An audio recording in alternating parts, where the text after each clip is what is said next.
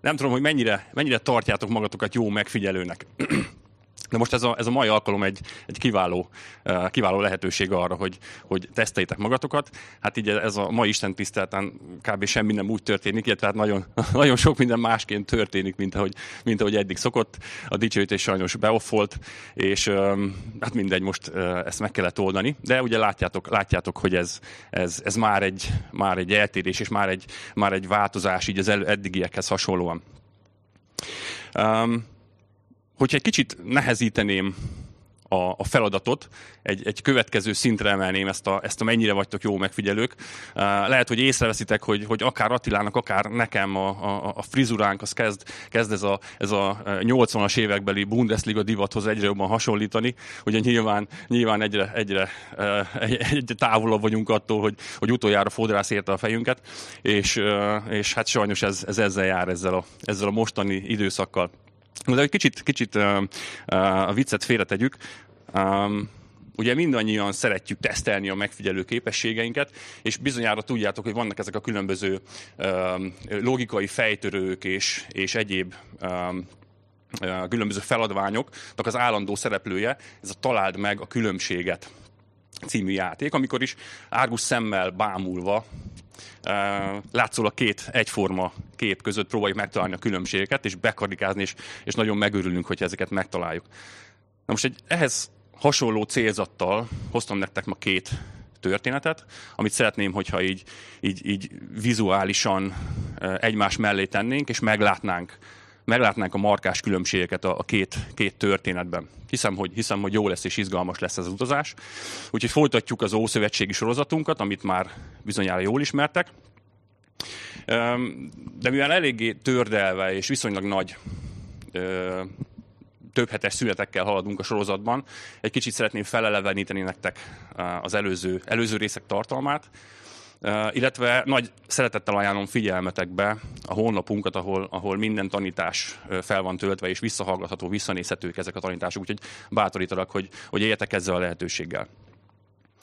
Na szóval láttuk, hogy az, az előző részekben tanulmányozott bibliai történetek és, és események mindegyike egy fontos, szimbolikus és, és profetikus üzenetet hordozott. Láttuk, hogy a, a 40 évnyi pusztai vándorlás időszaka után a nép az ott állt Kánoán küszöbén, ott állt a Jordán folyó mellett. És a Jordán folyó volt az a határ, ami elválasztotta őket az ígéret földjétől. És ebben a történetben a, a Jordán és, és illetve a Kánoán is a, tehát a folyó, illetve az azon túl elhelyezkedő, elterülő ország a fizikai valóságán túl szimbolizált is valamit. És hogy mik ezek a valamik? Ugye Kánoán az ígéret földje, az a, az a megígért mennyek országát jelképezte, és ezt szimbolizálta. A folyó pedig ebben az értelemben a határ, ez a határ, ez a halált, a halált szimbolizálta. És sok kultúrában a, a halált úgy képzelik el, és képzelték el régen is, de, de sok, sok kultúrában mind a mai napig, úgy képzelték el a halál utáni eseményeket, hogy ez olyan, mint egy, mint egy folyón való átkelés. Egy folyón való átkeléssel kezdődik a halálon túli élet. Elhagyjuk, elhagyjuk ezt az oldalt, és átkerülünk a túloldalra. Elhagyjuk az életet, és belépünk az újba. És fontos jelentése volt, tehát pontosan emiatt fontos jelentése volt annak, hogy nem Mózes vezette be a népet az ígéret földjére, Kánoánba, hanem Józsué. Józsué vezette be a népet, akit, akit Jósuának hívtak, tehát pontosan ugyanúgy, mint Jézust, és ez azért volt fontos, mert ő Jézusnak az előképe volt. Mert egyedül Jézus tudja bevezetni az embert az ígéret földjére. Egyedül ő általa juthatunk be a megígért mennyek országába. És a Mózes 5. 5. könyve után pedig uh, Józsué könyvéből néztünk meg egy történetet, és megismerkedtünk Ráhábbal, aki ugye Jerikóban megmentette a kémeknek az életét, cserébe pedig ő is ugyanezt kérte, hogy ők is mentsék meg az ő életét. Mert tudta, hogy Isten vezetésével és Isten, Istennel az oldalukon ez a nép hihetetlen erővel be, bejön az országba, és gyakorlatilag nem lesz semmi és senki, aki, aki ellen tudna nekik állni. És bár félt, de hittel közeledett Istenhez. És, és kapott egy jelet. És ez a jel pedig, bizonyára emlékeztek, ez egy piros zsineg volt az ablakjára. És ez a piros zsineg is szimbolizált valamit, a, a páska bárány vérét, illetve a vérének a jelét szimbolizálta. Az, hogy Isten elfogadta őt, és megvédte, sőt mindenkit megvédett, aki, aki akkor a házában vele együtt ott volt, mindenki megmenekült. A piros fonalnak köszönhetően, de valójában Jézus vérének köszönhetően. És a mai napi, mai napi tanításban, uh, mielőtt ugranánk egy nagyot az időben, és ugránk egy következő bibliai fejezethez, um, szeretném, hogyha még a Józsué könyvénél maradnánk egy picit, és megnéznénk egy, egy, egy nagyon fontos részletet. Mégpedig azt a konkrét mozzanatot, amikor is a nép ténylegesen áthalad, átlép a Jordán folyón. Gyertek is ezt olvassuk együtt a Bibliából, nyissátok meg a könyveteket, illetve a, az appotokat, és Józsué 3-nál leszünk, az első verstől olvasom. Józsué másnap korán reggel fölkelt, útnak indultak Sittimből, és eljutottak a Jordánhoz. Ő, meg Izrael fiai minnyájan. Ott táboroztak, mielőtt átkeltek volna.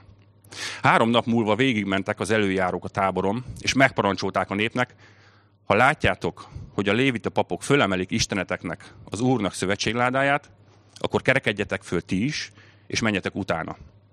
De maradjon, mint egy kétezer könyök távolság köztetek és közte. Ne menjetek túl közel hozzá, így tudjátok majd, melyik úton kell mennetek. Hiszen nem jártatok még soha ezen az úton.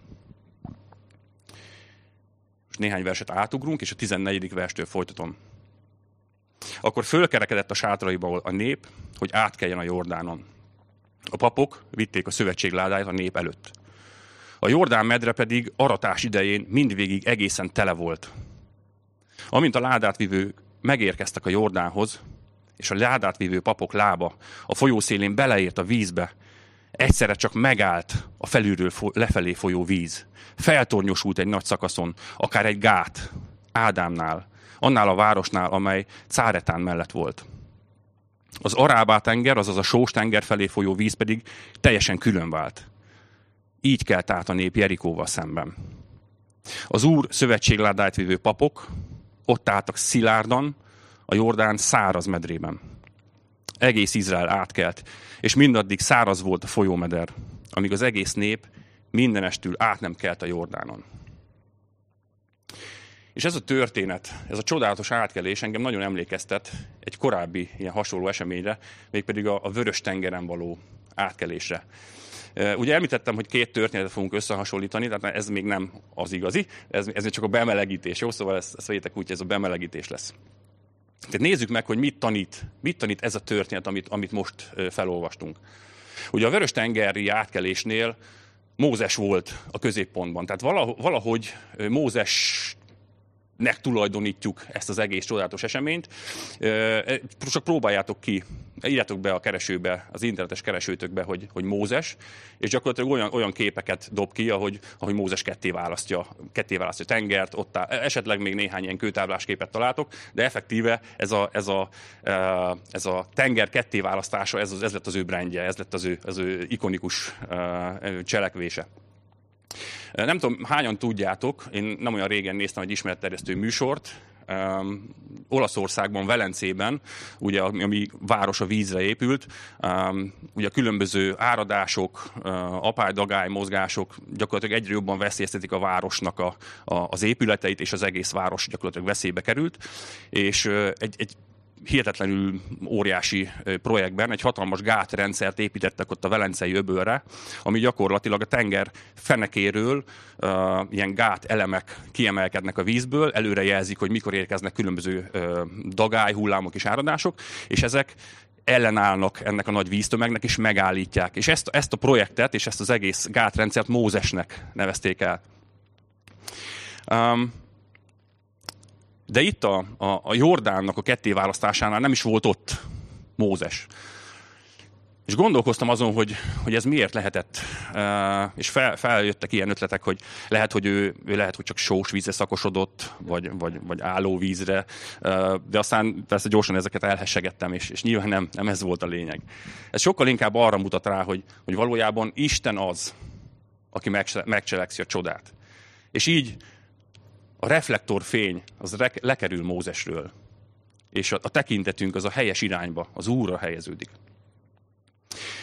Látjuk azt, hogy mindkettő esemény, tehát a tenger, tenger kettéválasztása és a folyó kettéválasztása is, és hangsúlyozom, hogy ez egy áradásban lévő hatalmas víztömeg, tehát ennek a kettéválasztása is isteni csoda volt, egy, egy ember feletti, egy, egy, egy e, emberileg elképzelhetetlen, csodálatos esemény volt.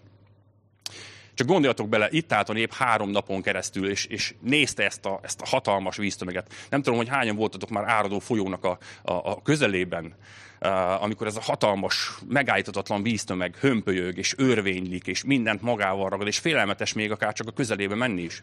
Na és ők itt álltak, és így, ez így, így szugerálta őket három napon keresztül.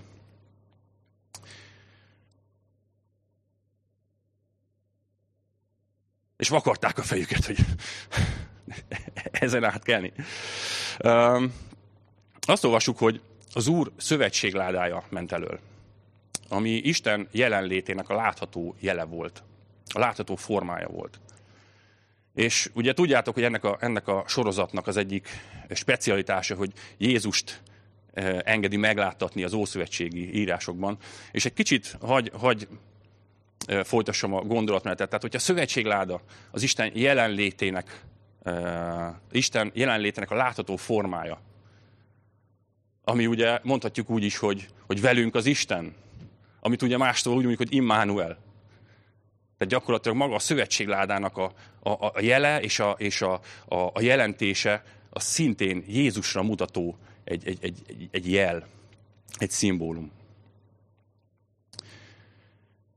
Na szóval azt olvasjuk, hogy az Úr szövetségládája ment elől, és nem pedig egy, nem pedig egy, egy pontomhíd építő ö, alakulatot küldött előre Józsué, és már nem csak azért, mert nem volt neki ilyenje, hanem, hanem látjuk, hogy ez egy, nem egy emberi kihívás, nem egy mérnöki ö, teljesítményre volt itt szükség, hanem, hanem ez egy, egy spirituális, egy szellemi probléma volt, nem pedig egy emberi kihívás. A következő ö, különbség a két történet között az az, hogy az egyik ez egy szabadulás történet, a másik pedig egy, egy dicsőséges bevonulásnak a története. De az egyik sem, egyik sem az emberek érdeme. A szolgaságból, a bűneintől való szabadulás az Isten csodája az életünkben. És a kegyelem általi üdvözülés is szintén az Isten csodája a életünkben. Mindkettő az ő munkája és az ő érdeme. És mind a kettő szükséges, hogy végbe menjen a mi életünkben. Na most kicsit konkrétabban nézzük meg azt, hogy, hogy mi is történt itt. Ugye azt olvassuk, hogy Isten előírta, hogy a papok menjenek előre, és vigyék a szövetségládát. Ez a 2000 könyök, ez nagyjából egy 1000 métert jelentett. Tehát a, a szövetségláda egy 1000 méterrel a nép előtt haladt. És ennek, ennek több oka is lehetett. Gondolkoztam, hogy mik lehetnek ezek az okok. Az egyik teljesen logikus magyarázat az, hogy a szövetségládá az, az ugye az Istennek a jelenlétét jelképezte, tehát meg kellett adni a tiszteletet és, és, és, és a szentséget tiszteletben kellett tartani. És ezért, ezért tartottak egy bizonyos távolságot, de, de kellett ez az ezer méter? Miért volt ez annyira fontos, ez a, ez a viszonylag nagy távolság?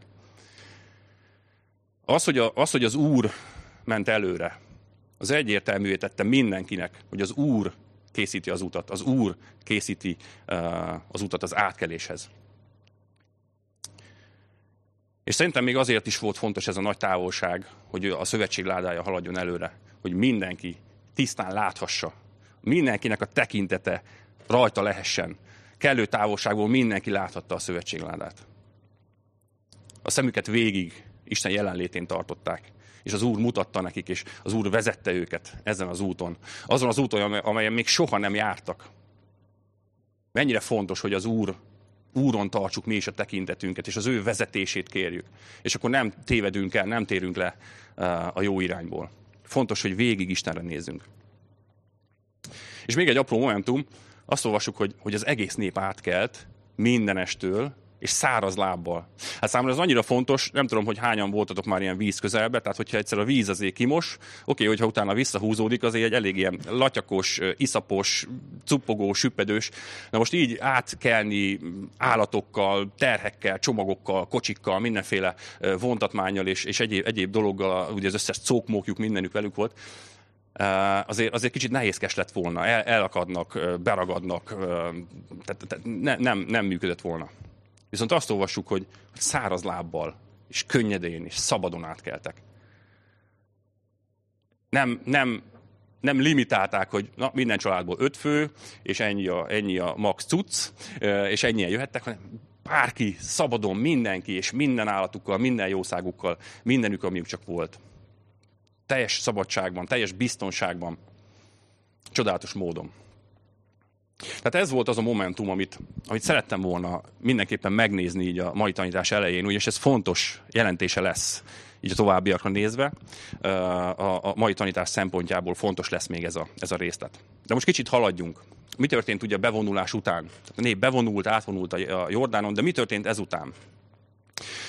Hogyha olvassuk Józsué könyvét, végigolvassuk, akkor azt látjuk, hogy, hogy Józsué és, és Izrael népe hosszú évekig tartó harcok árán elfoglalta Kánoánt, az itt élő népeket legyőzte, elűzte, többé-kevésbé, és, és elfoglalták a területeket, birtokba vették az egész, az egész országot, az egész Kánoánt. És hogy miért mondtam, hogy, hogy többé-kevésbé? Miért mondtam, hogy miért, miért volt erre szükség? Ugye sajnos azt látjuk, hogy néhány kánoáni nép bizonyos városokban, bizonyos területeken még itt maradt. Így hát Izrael kánoániak, hettiták, emóriak, perizziek, hívviek, tehát néhány kánoáni nép között élte a mindennapjait. És ennek, ennek meg lett a következménye, még pedig olyan következménye lett, ami, ami egész Izraelnek a történelmére rányomta a bélyegét. És hogy egészen konkrétan mi is történt ezután, azt nagyon jól összefoglalja egy néhány igevers, amit pedig már a, a bírák könyvéből hozom nektek. Gyertek, olvassuk el együtt a Bírák 2 8. versétől. Ez nagyon jól összefogja ez a néhány igevers, hogy mi is történt, mi zajlott le Izrael népében. Tehát Bírák 2 8. Azután meghalt Józsué, Nun fia, az úr szolgája 110 éves korában. És eltemették örökségének a területén, Timnat Szerachban, Efraim hegyvidékén, a Gász hegytől északra. Az az egész nemzedék is atyái mellé került, és egy másik nemzedék támadt utána, amely nem ismerte az urat, sem azokat a tetteket, amelyeket véghez vitt Izraelért. Izrael fiai azt cselekedték, amit rossznak lát az úr, mert a bálokat tisztelték. Elhagyták az urat, atyáik istenét, aki kihozta őket Egyiptomból, és más istenek után jártak. A környező népek istenei közül. Azokat imádták, és így ingerelték az urat. És itt ezeket a sorokat olvasva szembesülünk vele, hogy bár a történetben, ugye Kánaán, az Isten által megígért örök országot, a mennyek országát jelképezte. De nem szabad összekevernünk, hogy a Kánaán az nem a valódi mennyek országa. Ugyanis a mennyek országát azt nem lehet tönkretenni. A mennyek országát nem teszi tönkre a bűn. Viszont ahogy olvassuk az Ószövetségben, az izraelik a nép, de valójában a bűn, az nagyon is tönkretette ezt a csodálatos országot. És annyira fájdalmas a bűnnel és az emberi gyengeségnek és gyarlóságnak ilyen arconcsapó valóságával szembesülni. Annyira fájdalmas. Alig telt el néhány év, meghalt egy nemzedék, és a következő az már nem követte az urat. Isten nélkül akartak élni, nem igényt tartva az ő jelenlétére, az ő vezetés, az ő támogatására. És, és azt látjuk, hogy totálisan célt tévesztettek. Ez, ez olyan, mint amikor elromlik a navid, és, és egy tökéletesen más helyen kötsz ki, mint ahova, ahova tervezted, hogy elindulsz. Teljesen céltévesztettek, teljesen eltévedtek. És a mai világban is nagyjából ez történik. A világ Isten nélkül akar élni. És annyi szörnyű tünetét látjuk az Isten nélkül életnek. Akár ember szinten is találkozunk, és látunk nagyon, nagyon szomorú és fájdalmas uh, emberi sorsokkal. De rendszer szinten is egyre aggasztóbb, ami történik. Egy olyan világban, ami, ami nem kér Istenből.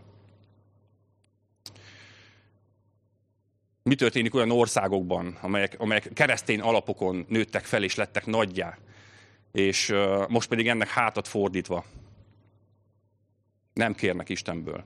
És egyre több aberrált, bűnös, Isten törvényének szögesen ellentmondó dolgokat engedélyeznek, legalizálnak, sőt normálisnak állítanak be, és tapsikolnak neki. Annyira, annyira fájdalmas és annyira szívbe markoló ez. De ez történik a világban, amelyik nem kér Istentől, Istenből. De kanyarodjunk vissza a történetünkhöz, és, és térjünk vissza a bírák könyvéhez. Tehát most már ténylegesen ugrunk egyet, egy következő fejezetre, ez pedig a bírák könyve. A bírák könyve, tehát ez a, a következő fejezet a Bibliában, és a következő fejezet a zsidó nép életében is. Ez, ez a bírák időszaka, ez egy, ez egy bő 300 éves időszakot ölel fel, nagyjából így időszámításunk 1300 uszkve onnan indul, és egy közel 300 évig tart.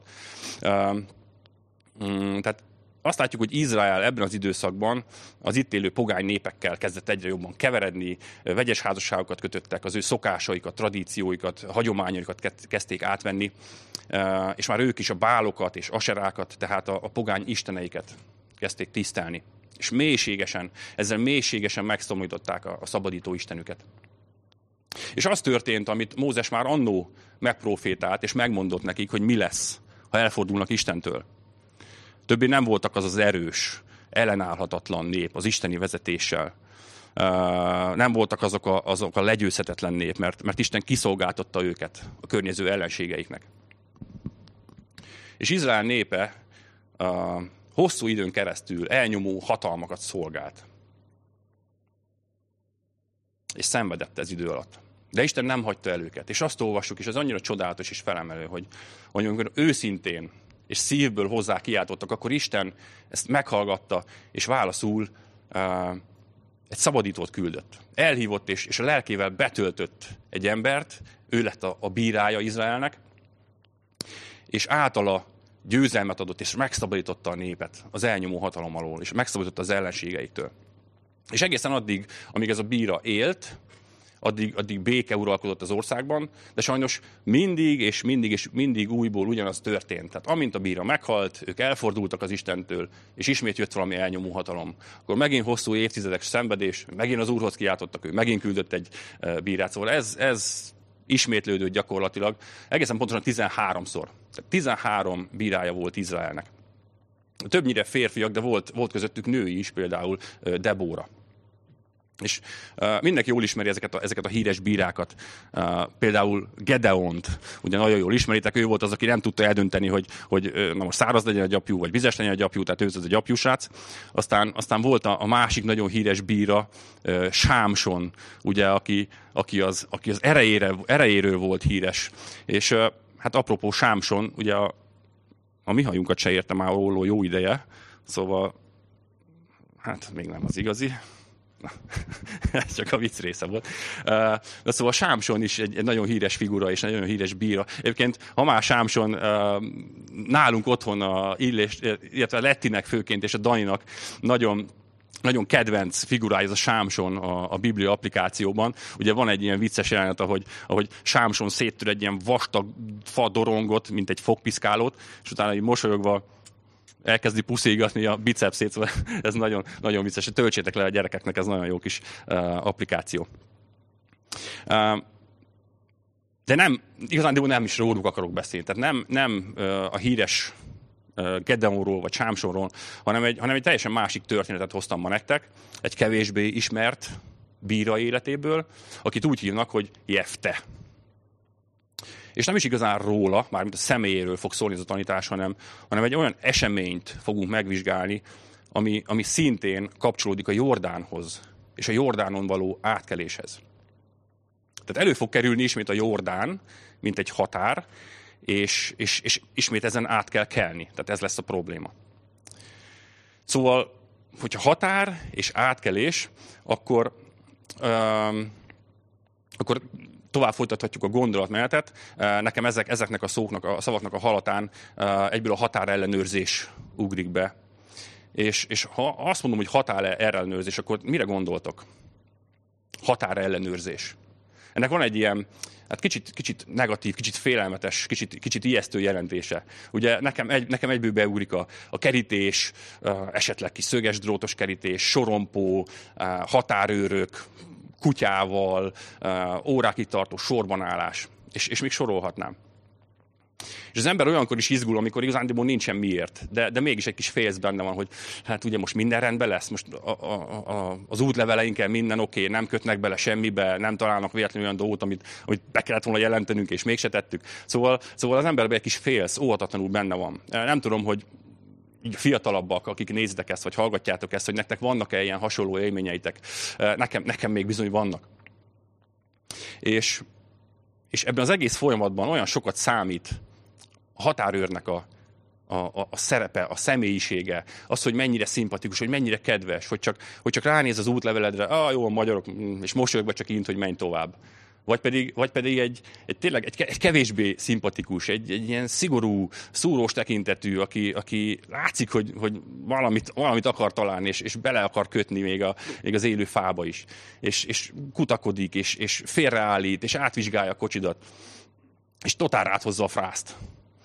Szóval, szóval van, van ez is, van ez a másik oldal. És mennyire fontos, és, és a különbség, hogy kivégzi a határellenőrzést. Ugye az imént láttuk az előző Jordánon való átkerésnél, hogy hogyan készített utat Isten a népének a Jordánon keresztül. Csodálatos módon a nép száraz lábbal, szabadon és biztonságban átkelt a Jordánon, és bejutott az ígéret földjére. És ez az esemény bemutatta, hogy hogyan léphetünk be mi, mi bűnösök, hogyan léphetünk be az ígéret földjére. Isten országába. Csak és egyedül az Úr Jézus kegyelme által. Izrael népe bűnös emberek voltak. Pont, pont ugyanolyan emberek, mint, mint én, vagy te, vagy, vagy mi mindannyian. Bűnös emberek voltak, és nem érdemelték meg, hogy belépjenek az ígéret földjére. De kegyelem által ezek a bűnös emberek szabadon és korlátozás nélkül, csodálatos módon átjutottak a pusztából a bőség országába, a halálból az életre. Ilyen az, amikor Isten felügyeli a határátkelést. Írgalommal és kegyelemmel. De ebben a másik történetben, amit mindjárt meg fogunk nézni, egy másfajta hozzáállás fogunk látni. Egy másfajta határellenőrzést. Amikor nem a szimpatikus határőr végzi a határellenőrzést. Nem ő felügyeli az átkelést. Ebben a történetben ugye ismét, ismét emberek akarnak átkelni, ismét bűnös embernek próbálnak átkelni a határon, de amikor az ember felügyeli az átkelést, amikor az emberek irányítják, akkor egy, az egy teljesen másfajta attitűddel történik, és, és abszolút mást is eredményez. És most szeretném, hogyha hogy fejben tényleg egymás mellé tennénk ezt a, ezt a két, két képet és mint, mint valami fejtörőben is karikázzuk be a különbségeket, vegyük észre az alapvető különbségeket, hogy mi történik. Ugye az, a kép az adott. A háttérben a Jordán, ugyanaz a Jordán, ugyanúgy izraeli emberek akarnak átkelni, ugyanúgy, ugyanúgy a folyón, de mégis valami más, más fog lezajlani. Gyertek és nézzük meg ezt a történetet. Tehát a bírák 11-ben megismerkedünk Jeftével, aki aki Gileádból származott, és Gileádról tudni kell, hogy, hogy a Jordántól keletre eső területen helyezkedtek ők el. Tehát nem, nem az összes törzs ment át a Jordán túloldalára, hanem néhányan megkapták már örökségül, örökségüket és területüket a Jordántól keletre eső részeken is. Tehát, hogyha szemben állunk a, a térképpel, akkor ez a Jordán folyótól jobbra eső területek. Tehát innen származott, Gileádból származott Jefte. És egyszer az történt, hogy az ammóniak, aki Izraelnek az ellensége volt, megtámadták és hadat üzentek Izraelnek. És ekkor pedig azt látjuk, hogy a Gileád vezetői felkeresték Jeftét. Addig nem voltak nagy spanok, nem igazán csipázták egymást, de felkeresték, felkeresték Jeftét, hogy legyen az ő vezetőjük, és vezesse őket a harcban. Jefte elfogadta ezt a felkérést, és mozgósítani próbálta Izrael többi törzsét, hogy segítsenek és támogassák őt ebben a harcban, de mivel nem kapott igazándiból segítséget, ezért, ezért ő, ő maga a saját kis csapatával kelt útnak, és Isten segítségével, Isten támogatásával ténylegesen bevonultak az ammóniak országába, és Isten egy, egy, egy csodálatos győzelmet adott nekik. Tehát az ammóniak azok, azok megalázó vereséget szenvedtek. Ám ekkor egy, egy érdekes dolog történik, és ezt, ezt, ezt nézzétek, csak olvassuk együtt a Bírák 12-ből. Tehát Bírák 12 első verse. Fegyverbe szólították az Efraimiakat. Tehát Efraim szintén Izraelnek az egyik, egyik nemzetsége. Tehát fegyverbe, fegyverbe szólították az Efraimiakat. Cáfón felé vonultak, és ezt mondták Jeftének.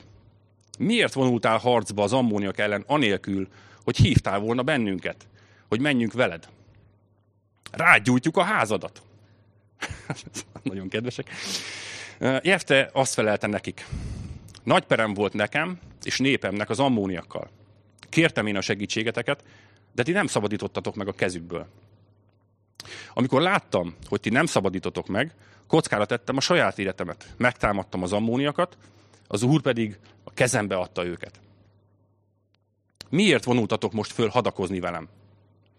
Ekkor összegyűjtött Jefte minden gileádi férfit, és megütközött Efraimmal.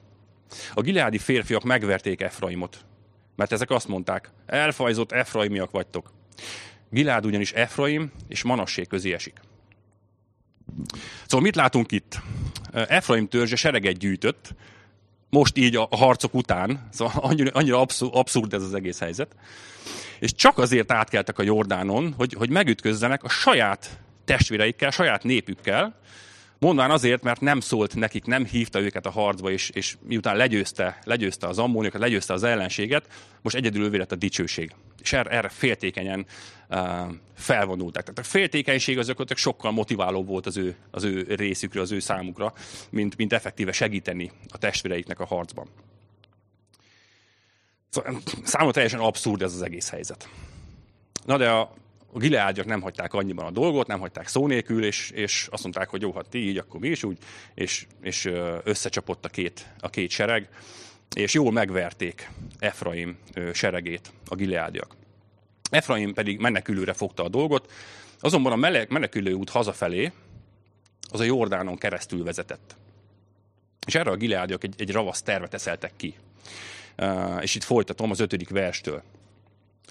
Azután elfoglalták a gileádiak a Jordán gázlóit Efraim elől, és amikor a menekülő Efraimiak azt mondták, hadd menjünk át, megkérdezték mindegyiktől a gileádi férfiak, Efraimi vagy?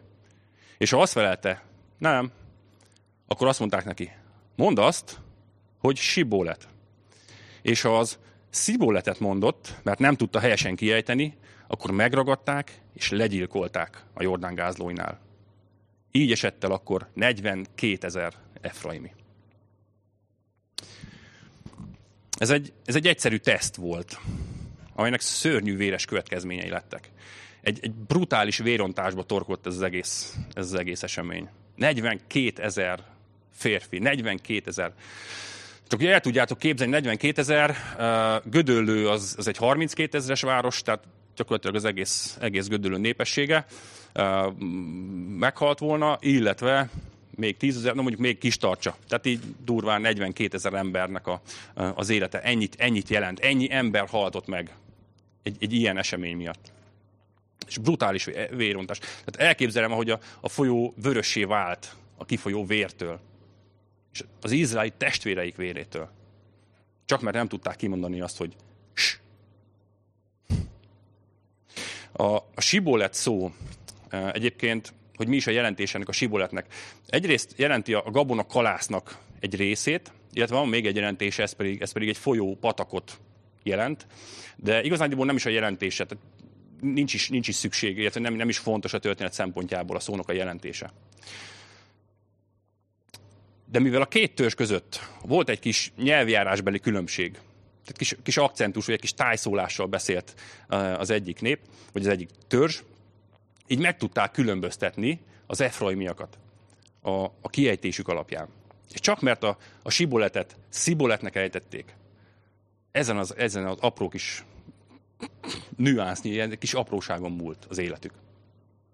Szóval ez történik akkor, amikor emberek irányítják az átkelést, és emberek felügyelik a határon való átkelést. Ugye elég szembeötlő a különbség az előző történethez. Ugye láttuk, milyen az, amikor Isten felügyelte a határon való átkelést. Azonban, amikor az ember veszi át az irányítást, és, és, és emberek szabják meg az átjutás követelményeit, akkor az teljesen kisiklik. Valami egészen más történik, mint amikor Jézus teszi ezt. És ez sajnos, sajnos nem egy egyszerű történet. Nem csak itt történt meg, hanem az egész történelem során sokszor megismétlődött. Annyiszor járt el hasonlóan az ember. Sőt, mind a mai napig, ha belegondoltok, mind a mai napig így működünk. És hogy értem ezt? Folyamatosan és, és mindenben határokat állítunk fel. És, és, és, és ha a határőrzés emberi irányítás alatt áll, akkor, akkor a feltételek is mindig emberiek. Keresünk valamit magunkból, valami, valami tulajdonságunkat, valami képességünket, vagy bár, bármit magunkból, és ez alapján minősítjük és, és igazoljuk magunkat. Szeretjük magunkat megkülönböztetni másoktól. Mindig, mindig ebben gondolkodunk. Vagyunk mi, és vannak a mások. Vannak a csoporton belüliek, és vannak a csoporton kívüliek. És a megkülönböztetés alapja az mindig, mindig valami emberi. Mindig valami belőlünk. Legyen az a, az a származásunk, a, a nemünk, a, a vallásunk, a bőrszínünk, legyen bármi. Sorolhatnám. Képesek voltunk háborúkat vívni ezeknek az zászlaj alatt. Sőt, mind a mai napig háborúkat vívünk. Háborúkat vívunk ezek miatt kimondva vagy kimondatlanul, látványosan és büszkén, vagy, vagy csak csendben és titokban, vagy esetleg csak tudat alatt. De ezt tesszük. Határokat állítunk fel, és, és megkülönböztetjük magunkat mástól. És diszkriminálunk. Alapul vesszük a, a, pozíciónkat, vagy a státuszunkat, a, a az anyagi helyzetünket, a, a, vagy akár legyen az a kedvenc foci csapatunk, vagy legyen a politikai nézetünk, tehát bármi lehet, ami, amivel és aminek köszönhetően megkülönböztetjük magunkat másoktól. És ez alapján diszkriminálunk másokat. És sokszor képesek vagyunk akár őre is menni emiatt. És ez sajnos ránk, magyarokra különösen is igaz. Tehát annyira egy, annyira egy magyar betegség ez a megosztottság és a pártoskodás. És szeretjük a, szeretjük a politikát szidni emiatt. És azt, azt feltételezzük, hogy az ő, ő találmányuk ez az egész. De valójában nem. Ez egy, ez egy emberi alapbeállítottság. De ami viszont tényleg a politika és a politikusoknak a felelősség, hogy erre nagyon is ráerősítenek, és ezt, ezt nagyon is, nagyon is a végletekig kihasználják, az már tényleg az ő felelősségük. És mi pedig olyan mélyre süllyedünk ebben, hogy képesünk, képesek vagyunk akár a testvéreinkkel hosszú évekig, vagy egész életen keresztül háborúskodni, és, és nem, nem, nem szóba állni vele, csak mert, csak mert másként gondolkodik. Annyira, annyiszor borul vérvörösbe ez a határfolyó, mind a mai napig. Annyiszor borul vérvörösbe a testvéreink vérétől. Mert nem engedjük őket átkelni. Mert mi szabjuk a, az átkelésnek a feltételeit. Ilyenek vagyunk mi. Ilyen az ember. De Istennek hála, hogy Jézus nem ilyen és hála érte, hogy, hogy ő hozzá, az ő királyságába a belépés feltétele az nem valami belőlünk, az nem valami emberi tulajdonságunk, az nem emberi szabályrendszeren keresztül jutunk be, hanem a belépés, az átadás alapja, az maga Jézus Krisztus. És éppen ezért, éppen ezért a gyülekezet, a, a, nagybetűs gyülekezet, Krisztus teste, az a leg, legszínesebb, leg, legvegyesebb, legnemzetközibb, legmultikultibb, uh, uh, származástól, nemtől, kortól, anyagi helyzettől, uh, politikai nézettől, sőt felekezettől függetlenül, mindentől függetlenül egy hihetetlen, hihetetlenül vegyes társaság. Ilyen Krisztusnak a gyülekezete. És hogy lehet ez? Hogy lehetséges ez? Úgy, hogy az átjutás alapja az maga Jézus Krisztus. Az, hogy nem emberek szabják a bejutásnak a feltételeit. Nem mi felügyeljük a határátkelést. Bár hozzáteszem, néha vannak ilyen önjelölt határőrök, akik ezt próbálnák megtenni. Ne tegyük. Isten országába egyedül Jézus Krisztus irányítja a határátkelést. Egyedül az ő kegyelmén átjutunk be. Ő azt mondta, hogy én vagyok az út, az igazság és az élet, és csak is általam juthattak be az atyához. Ő ezért jött el Jézus. Ő ledöntötte a falakat, ledöntötte a határokat, és utat készített az atyához. Megmutatta, hogy, hogy ő hozzá tartozni, az nem egy elit klub. Nem egy, nem egy olyan klub, ahová csak kínkeservesen lehet, ha egyáltalán be lehet jutni. Az ő országa az nem csak a kiváltságosoké, hanem bárkié lehet. Az ő országa mindenkié lehet. Ezért jött el Jézus. Azért jött el, hogy, hogy helyettünk teljesítse a bejutásnak a feltételeit, amit, amit mi nem lettünk volna képesek teljesíteni. Ezért jött el Jézus. És ma virágvasárnapot ünneplünk. Azt, amikor Jézus bevonult Jeruzsálembe. Bevonult, holott tudta, hogy néhány nap múlva mi vár rá. Milyen szenvedés, megaláztatás, kínzás és egy kín halál. De ő nem a szenvedésre nézett. Nem azt tartotta a szem előtt, hanem, hanem ránk nézett. Mi ránk nézett, mi, mi lobogtunk az ő, az ő tekintete előtt. És ért, értünk vállalta mindezt. És ezen a vasárnapon, azon a bizonyos vasárnapon, amikor Jézus bevonult Jeruzsálembe, akkor a Páska ünnep előtt járunk néhány nappal, és ugyanúgy, ahogy, ahogy az ünnep miatt hajtották fel, a több tízezer bárányt hajtották be Jeruzsálembe, akik, akik majd néhány nap múlva uh, tudjuk, hogy hogy végezték ezek a bárányok. Családokhoz kerültek, és néhány nap múlva pedig a Páska előestéjén levágták ezeket a bárányokat. Jézus az Isten báránya pontosan ugyanígy vonult be Jeruzsálembe, hogy néhány nap múlva az életét adja értünk ő rámutatott az összes páska bárány, ő rámutatott az egész páska ünnep, őt várta, és őt, őt készítette elő, és ő rá mutatott az egész ünnep. Isten ezért jelölte ki a páska ünnepet, és ezért jelölte ki a bárányokat. Mindez, mindez Jézusra várt, és Jézusra mutatott. És ő teljesítette be mindezt. És azon a vasárnapon, amikor Jézus bevonult, ugye Szamárháton ülve, bevonult a Jeruzsálembe, bevonult a városba, emberek tömegei vonultak ki, és, és pálmaágokat lengetve di, dicsérték, és, és üdvözölték, és, és újongtak, és, és ünnepelték a várovárt királyt. De néhány nap múlva elfordultak tőle, és a halálát követelték. Mert ő inkább bárány akart lenni, sokkal inkább, mint király. Azonban a jelenések könyvében Jézus megmutatta nekünk a jövőt. És eljön majd az idő, amikor, amikor ismét embereket látunk, egy mérhetetlen tömeget, akiknek ismét pálmaág van a kezükben, és, és ünneplik Jézust. Na ez lesz a, a, a Veddészra különbséget című mai napi játékunknak az utolsó, utolsó felvonása. Tehát jól figyeljetek, felolvasom a jelenések könyvéből. Jelenések 7, 9. verstől. Ezek után láttam, íme, nagy sokaság volt ott minden nemzetből és törzsből, népből és nyelvből, amelyet megszámlálni senki sem tudott. A trón előtt és a bárány előtt álltak fehér ruhába öltözve. Kezükben pedig pálmaágak, és hatalmas hangon kiáltották. Az üdvösség, ami Istenünké, aki a trónon ül, és a bárányé. Mérhetetlen tömeg ünnepli Jézust, pálmaágat lengetnek. És most jön a különbség. Most figyeljetek pontosan azért ünnepelték őt, és pontosan azért lengették a pálmaágokat, mert ő volt a bárány. És azért, mert ő 2000 évvel ezelőtt nem királynak jött, hanem sokkal inkább szolgának és áldozati báránynak. Hála neked, drága Jézus.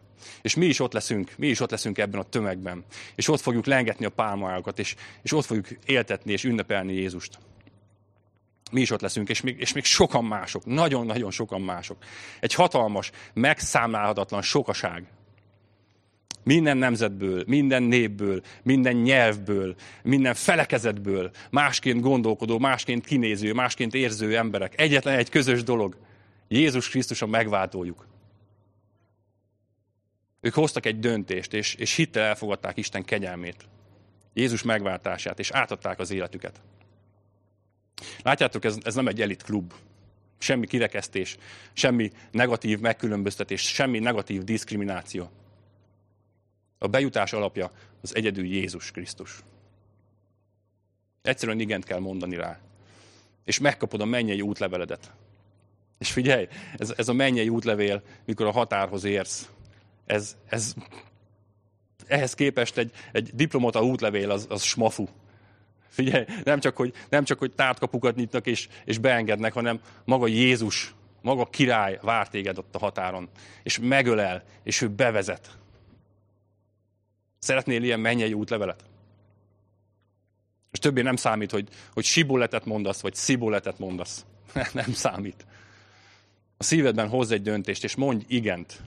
Mondj igent Jézusra. És amíg nem hoztad meg ezt a döntést, akkor, akkor hagyj bátorítsalak, hogy legyen ma, legyen ez a mai nap, amikor meghozod ezt a döntést. És kapjad meg a mennyei útleveledet. Fogadd el, és hidd el, hogy az a nagy péntek, ami, ami öt nap múlva lesz. És mindaz az esemény, ami, ami ezen, a, ezen a napon történik, az érted volt. Hidd el azt, hogy Krisztus, aki az Isten fia, érted vállalta mindezt. Érted vállalta a szenvedést, érted vállalta a megaláztatást, érted vállalta azt, hogy, hogy a kereszthez szegezik, és érted vállalta azt, hogy, hogy megölik. Érted lett áldozati bárány. És értem, és mindenki ért. És ha ezt hittel elfogadod, és elhiszed, és, és hálát adsz neki, és elfogadod az ő kegyelmét, akkor meg is kaptad a mennyei útleveledet.